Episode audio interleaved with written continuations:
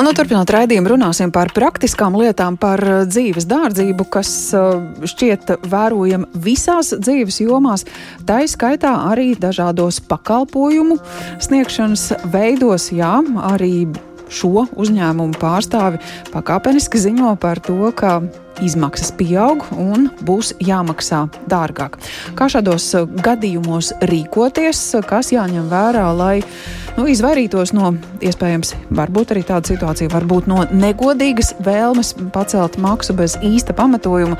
Par to sarunāšos ar patērētāju tiesību aizsardzības centra patērētāju tiesību uzraudzības departamenta direktori Ievu Baldiņu. Labdien! Labdien! Cik stingrs ir tas regulējums, kādos gadījumos drīkst celt cenas, vai nu, vienkārši šobrīd jāuztver tas kā tāda pašsaprotama lieta un viss? Uh, jā, nu, cenas uh, spēkā esošā līgumā uh, izm izmainīt drīkst tikai tādā situācijā, ja šādas tiesības uh, jau ir ietvertas šajā noslēgtajā līgumā ar patērētāju. Un tāpat arī jāievēro dažādu normatīvu aktu prasības, Bet, jebkurā gadījumā, tiesības celt cenu pakalpojums sniedzējs nedrīkst izmantot negodīgi. Un cenu izmaiņām noteikti ir jābūt pamatotam iemeslam, un uh, ir arī tādi normatīvi akti, kā piemēram turismu jomā, kur ir pat paredzēti konkrēti iemesli, uh, kuru dēļ pakalpojums sniedzējs var veikt izmaiņas cenā, piemēram, tās ir degvielas, elektroenerģijas cenas izmaiņas.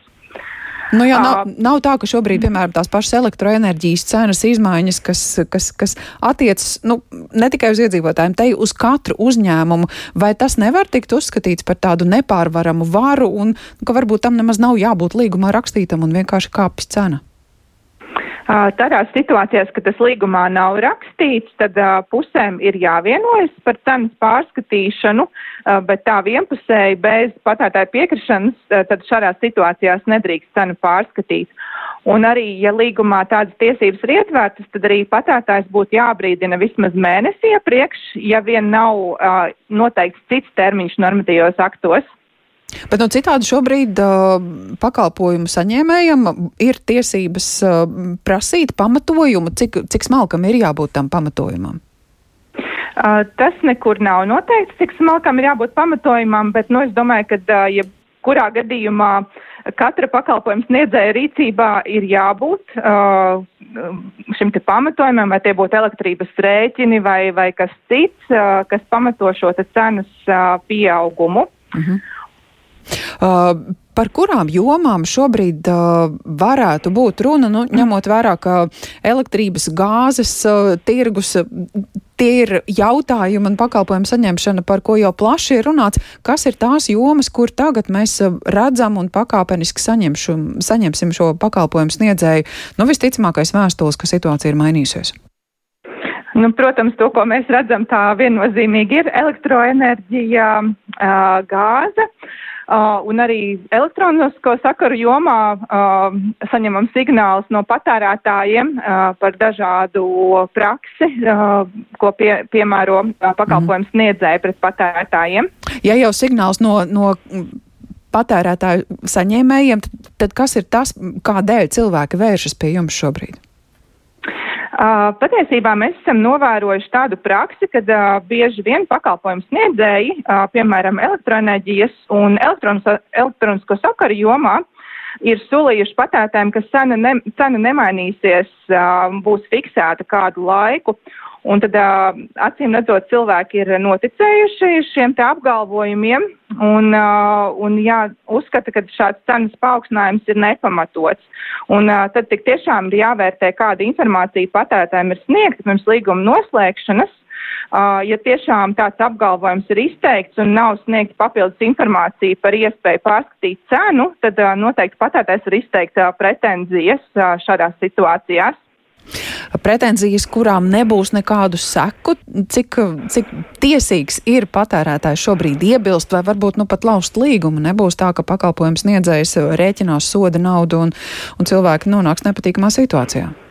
Uh, ja pakalpojums sniedzējs pārskatā cenu, tad viennozīmīgi patērētājam ir tiesības uh, izbeigt līgumu bez uh, līguma soda vai citu līgumisku sankciju piemērošanas. Šādās situācijās patērētājs Uh, patērētājiem nav jācieš nekādas uh, sekas negatīvas, un uh, šādā situācijā patērētājs var meklēt uh, citu šo te pakalpojumu sniedzēju.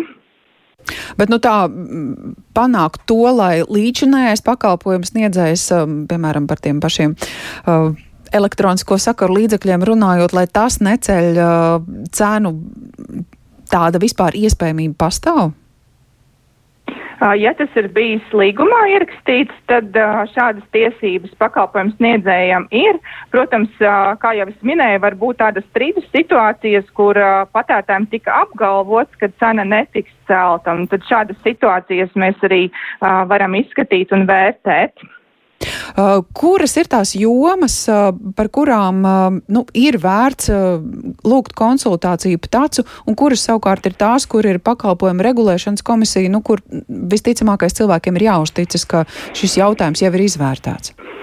Uh, jā, attiecīgi uh, specifiskās sabiedrisko pakalpojumu jomās, uh, tāda kā dabas gāzes, ūdensemniecības un siltumenerģijas jomās, tātad šos tarifus apstiprina sabiedrisko pakalpojumu regulēšanas komisija. Savukārt mēs varam izvērē, izvērtēt komercpraksi citā, citās jomās un, ja piemēram, pret patērētāju ir vērsta maldinoša prakse vai, vai pieļauti citi pārkāpumi. Mhm. Komunālo pakalpojumu maksa tas arī ir jūsu pusē? Uh, tas būtu apsaimniekošanas jā, maksa. Jā, jā. Uh, mēs noteikti nevērt, nu, nevērtējam uh, cenas uh, samērīgumu kā tādu, bet, protams, ja prakse ir negodīga, tad jā, arī šajā jomā mēs varētu vērsties uz pakalpojumu sniedzēju. Tik tā, paldies par šo konsultāciju, saka Ievai Baldiņai, patērētāja tiesība aizsardzības centra patērētāja tiesību uzraudzības departamenta direktori bijām aicinājuši uz īsu sarunu, lai vaicātu par to, kas tad jāņem vērā šobrīd mums, ņemot um, savukārt vērā to, ka pakalpojumu cenas uh, palielinās un pakāpeniski pār to brīdina arī līdšanējie pakalpojumu sniedzēji.